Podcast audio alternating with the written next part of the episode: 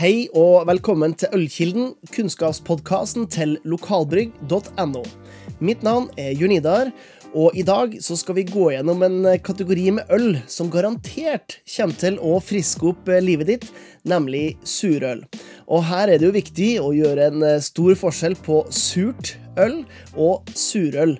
Denne kategorien med fantastiske, bevisst syrna ølene som man kan få tak i fra inn- og utland. For det er akkurat det surøl er. Det er en kategori med øl der bryggerne har gjort noe spesifikt underveis for å fremskaffe en syre. Så i motsetning til mer tradisjonelle over- og undergjæra øl, som gjerne er bitre eller søte, så er det syren som skal komme fram i surøl. Og det her det gjøres på hovedsakelig to forskjellige måter, men det er allikevel én fellesnevner for de her i kategorien, og det er det at det er bakterier som er med å konvertere sukker til syre. Det kan være f.eks. lactobacillus eller pediococcus som to eksempler som er med i prosessen og gjør om sukkeret som man får ut av malte, om til en syre som er med å friske opp. Så lurer du på hvordan kan man lage et surøl? Jo, jeg kan ta deg gjennom den første hovedmåten man gjør det, og det er en bryggeteknisk metode. Dette er den som er raskest, som er enklest å kontrollere, og som gir ikke sure øl, men det gir øl med fin friskhet og god syrebalanse. Det er gjerne litt lavere i alkohol også, det, det gjelder for så vidt egentlig alle surøl. Men eh, i denne kategorien med bryggetekniske surøl Fryktelig usexy navn, om jeg får si det sjøl, jeg kom akkurat på det, så sånn er det. Men det er i hvert fall at eh, bryggmesteren bruker en metode, eller en ingrediens, under prosessen som eh, fremskaffa syre på en eller annen måte. Det kan være noe som heter eh, kettle souring, altså kjelsyrning. For eksempel, da tar bryggeren, knuser maltet sånn som på vanlig måte, og mesker inn. Og så kan han velge om han skal bare la det ligge der et par dager, kaste i litt fersk malt og la det naturlig utvikle seg. Han kan ta ut vørtera fra meskekaret og tilsette Biola og la det syne over en dag eller to, for i Biola finnes jo lactobacillus, melkesyrebakterier. Så kettle souring skjer før man skal koke ølet. Fordelen her er jo selvfølgelig det at du kan stoppe utviklinga av syre ganske enkelt, for du dreper bakteriene ved å koke dem. Du kan òg bruke syreholdig malt, faktisk, altså syrna malt, som du får leverert fra en, fra en produsent. Um, og det er det man kaller kettle souring. Det er den syrninga som skjer før man får uh, koken på gang, og dermed kan begrense uh, syreutviklinga i ølene. Så kan du jo selvfølgelig også jukse litt og putte opp i melkesyre sjøl etter at ølet er ferdig gjæra. Fordelen da er jo at du kan justere på milligrammet hvor surt du ønsker ølet. Men jeg må jo innrømme at fra egen erfaring som hjemmebrygger så gir det en forholdsvis flat syre. Altså en litt sånn uinteressant øl, rett og slett på grunn av det. Så kettle souring er absolutt å foretrekke foran det. Så er det også viktig å skille på øl som er surt, og på surøl. For nå har vi nevnt et par måter man kan få det. Man kan ha kettle souring, og man kan ha tilsetning av syre. Og så finnes det jo en del øl der man rett og slett har tilsatt en frukt eller et bær som er veldig syrlig. Men det regnes ikke som et surøl. Det er et surt øl, men det er et fruktøl med syre ikke en surøl. Så forskjellen på en surøl og på et syrlig øl er rett og slett det at man har en bryggeteknisk metode som gjør at man får fram syren. Jeg skal ta faktisk et øl som jeg har her, som er et godt eksempel på en bryggeteknisk syna øl. Og det er en berlinerweise. Kjem, som dere hører på navnet, fra Tyskland. Selv om det er litt vanskelig og historisk side 100 eh, korrekt, så, eh, så, er det i hvert fall Berlin som har fått æren av å være hjemplassen til det. Eh, det man gjør der, er en såkalt kettle souring. Det er jo en hveteøl, derav weise, i bunn. Man har ikke noen smak eller eh, mye bitterhet av humla, men det er ikke så veldig mye eh, malt eh, i, i, bildet heller, når det kommer til smak og aroma. Og så er det også viktig å, å ha en liten ekstrainformasjon om berlinerweisse. Fordi eh, tradisjonelt sett så ble både berlinerweisse og Leipzig-varianten gåse, som var tilsatt salt, eh, de ble av og til servert med sirup på sida, som man kunne tilsette oppi. Um, det her er noe som håndverksbryggerier spesielt har tatt til sin, sin barm, og virkelig tenkt at nå skal vi gå all out. Så faktisk i dag, å få tak i en berlinerveise, eller en gåse fra håndverksbryggeriet som er nærme originalen, det er nesten umulig. Fordi de, har, de små bryggeriene rundt om i, i landet har lyst til å eksperimentere og finne fram nye smaker. Så jeg fant rett og slett ikke en berlinerweisse til den smakinga her eh, som ikke var tilsatt noe. Så akkurat den jeg har i glasset her, den er det pasjonsfrukt oppi. Og det kan jeg garantere deg at det er ikke noe som er tradisjonelt, men det gjør det likevel spennende. Eh, og jeg vil faktisk påstå at hvis man skal begynne med surøl, så er det her fine øl å begynne med, for det ikke er så avskrekkende.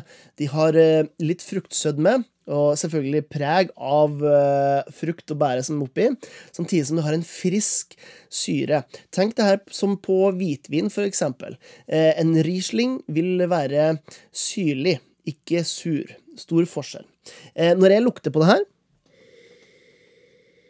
så lukter det pasjonsfrukt.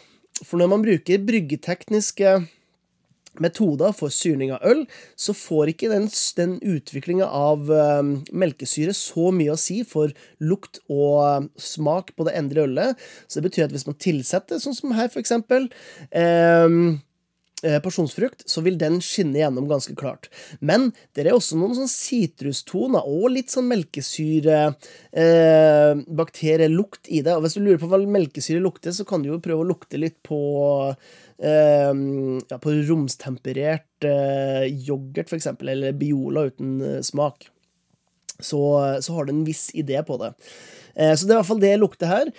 Pasjonsfrukt, som jeg nevnte. Sitron lukter nesten litt sånn sjøaktig også. Men det kan godt hende hjernen min som spiller med et puss. Når jeg lukter på den, så lukter det friskt. Og det er et godt tegn. Når det smaker Mm. Det er deilig friskt. Det første som slår meg, er syre. Og så kommer pasjonsfruktigheten. Men så er den forholdsvis eh, kort i smaken.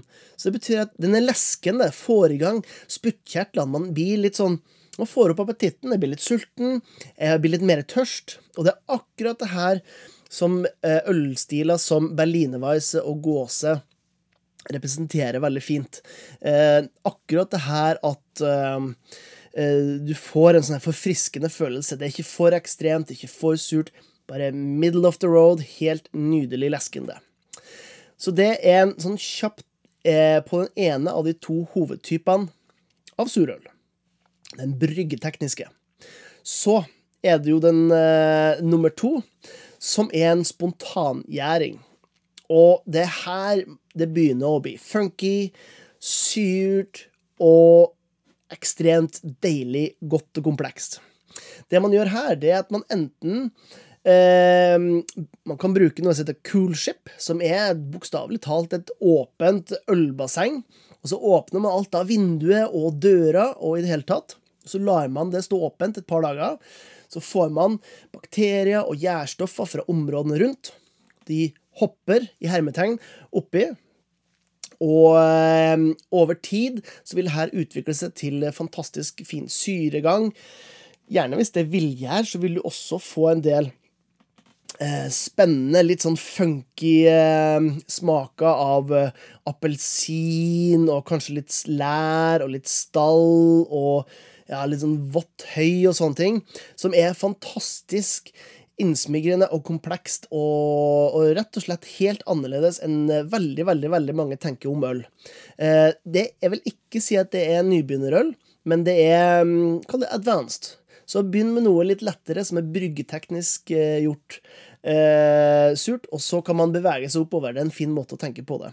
Eh, I tillegg så bruker man veldig ofte eh, fat for å Eh, lagre de her, enten store, store 5000 liters foodere, f.eks., trefat, eh, eller mindre trefat. De må få en raskere utvikling. Fordelen med store fat er at du kan lagre det over lengre tid, og du har en sakte utvikling, mens mindre fat har større overflate på ølet og vil utvikle seg enda fortere. Eh, den gylne middelveien mellom de helt supersure og de helt friske er typisk flamsk rød eller flamsk brud. Odd brun. Um, og det her er øl der man tar eh, de her spontangjære ølene som jeg snakker om, som er lagra kanskje i ett, to, til og med tre år. Og så tar man en tredjedel, to tredjedel, og så blander med et ferskt øl. Og det du får da, er en harmoni av sødme og syre, kompleksitet og friskhet, og rett og slett noen fantastiske, gode øl. Her er nok belgierne i verdensklasse, men jeg vet at det er flere og flere som om ikke annet har veldig lyst til å ekspertere med det her utafor Belgias grenser også. Eh, og så er det jo selvfølgelig de sureste av de sure, de mest ekstreme av de ekstreme, noen av de herligste av de herligste. Og det er de som får ligge ett, to, tre år på fat, og så gjør man ikke så veldig mye mer enn at man eh, kanskje blander dem, eller bare putter dem rett i flaske. Og det er lambic og gøs og variasjoner av de. Det er mm, rett og slett øl som utvikler over lengre tid kompleksitet og en veldig hissig syregang. Jeg husker første gang jeg smakte på en lambic. Da kjente jeg at emaljen min den svei litt. Jeg var helt eh, ukjent for eh, surølens verden, og det tror jeg måtte være min øl nummer to i kategorien. Så jeg kan ikke anbefale det. Jeg tror ikke du kommer til å nyte det så mye som du kan hvis du eh, bygger litt opp når det kommer til, til syrlighet. Um, men det er i hvert fall noen av de mest spennende ølene man kan ha. Det er veldig stor rift om det, så det er òg noen av de dyrere ølene man kan få tak i. Men på grunn av at de er helt naturlige og har her viljegjær, bretonomysis som det heter, så kan den utvikle seg masse over tid. Altså Man kan lagre dem i årevis, og de vil utvikle smakene sine. Syrligheten er forholdsvis konstant, for til et visst punkt så vil ikke bakteriene utvikle mer syre. Eh, så de eh, vil rett og slett bare stoppe å, å leve. Eh, eller utvikle syre. Men i hvert fall lambikk og gøs øl som jeg kan absolutt anbefale hvis dere har fått smakt på litt forskjellige surøl og jobba det litt oppover. Så der har dere rett og slett, for å oppsummere, en rask introduksjon til surøl. En av mine definitive eh, favorittkategorier med øl. Nå gjelder nå vel egentlig strengt tatt det de fleste ølstilene som vi snakker om, men det er en helt annen sak. Eh, man deler surøl opp i to hovedtyper i forhold til hvordan eh, de blir brygga. Det er da bryggeteknisk, der man enten har en såkalt kettle souring, der man syr syrner vørtera før man koker det, der man kan tilsette eller bruke sur eh, malt som er syrna med vilje. Man kan tilsette melkesyrebakterier, eller man kan også faktisk tilsette lactobacillus og, og periococcus, som vil utvikle syre. Da kjøper man det i ampuller fra eh, gjærleverandør. så det er den bryggetekniske måten. Den spontangjære måten er den eh, old school måten. Jeg tør faktisk å påstå det er kanskje den mest originale typen øl vi har, for det er veldig lite teknisk. Det er ikke noe finesse i, de, i um, hvordan man får de tilsetningene. Man trenger i hvert fall ikke det. Uh, så mest sannsynlig er det noe som uh, har vært uh, Man vet at det har vært laga lambic siden romertida, og jeg vil tippe flere tusen år før den tid også en lignende type. Der man rett og slett lar naturen, faunaen rundt, terroiren, som vinfolkene kaller det, eh, komme i ølen, lage det over tid, gjerne på eikefat. og få en enorm smaksutvikling som skaper noen av de mest unike smaksopplevelser man kan finne i ølverden. Men du har blitt advart. Det kan være ekstreme greier. Så er dere ja, Som sagt, så er dere ikke advart. Da håper jeg dere har lært litt i dag. Uansett om dere så det her på YouTube eller hørte det her i podkastspilleren din, så håper jeg dere sitter igjen med noe, noe, godt. Jeg setter i hvert fall veldig pris på at eh, dere fortsatt er med. Hvis du likte det her, husk å abonnere. Ta gjerne en sånn tommel opp eller en review eller hva det måtte være, for vi vil jo gjerne at flere folk skal se det, og algoritmene er kongene over sånne ting, med mindre du bestemmer deg for å sette ned og dele den her til, la oss si hypotetisk, tre ølkjenninger du har, sånn at de også kan lære litt mer om øl. Det hadde vært eh, hyggelig gjort av det. Uansett om du har lyst på mer ølkunnskap og inspirasjon, kanskje en oppskrift, da, eh, eller hva det måtte være, så kan jeg absolutt anbefale deg å gå inn på lokalbrygg.no. Der finner du Ølkilden, eh, en liten fane oppå der, der du kan finne alt det her. Der jeg gir mine beste tips, triks, oppskrifter og i det hele tatt. Så det kan du sjekke ut. Knut. Og hvis du ikke vil det, så finner du oss selvfølgelig på Facebook, Instagram, LinkedIn og ja, du vet, alle de her sosiale medier-goodiesene. Um, that var that. Jeg håper du har lært litt om surøl. Uh, jeg har i hvert fall blitt uh, Altså, jeg har blitt eh, sur på en veldig god måte etter å smake på litt surøl her, sånn. Men det gjør jo at jeg ser fram til neste gang vi møtes, og vi sammen skal dykke ned i ølkilden og lære litt mer om øl.